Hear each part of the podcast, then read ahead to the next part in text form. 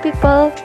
Kalian tahu nggak sih, pada zaman penjajahan, banyak rakyat Indonesia yang hidup menderita, tertindas, bahkan terlilit hutang dengan para rentenir. Karena hal tersebut, pada tahun 1896, Patih Purwokerto yang bernama Raden Arya Wirya Atmaja mendirikan koperasi kredit untuk membantu para rakyat yang terlilit hutang. Kemudian, setelah Indonesia merdeka, pada tanggal 12 Juli 1947, Pergerakan Koperasi di Indonesia mengadakan Kongres Koperasi yang pertama di Tasikmalaya, yang kemudian ditetapkan sebagai Hari Koperasi Indonesia.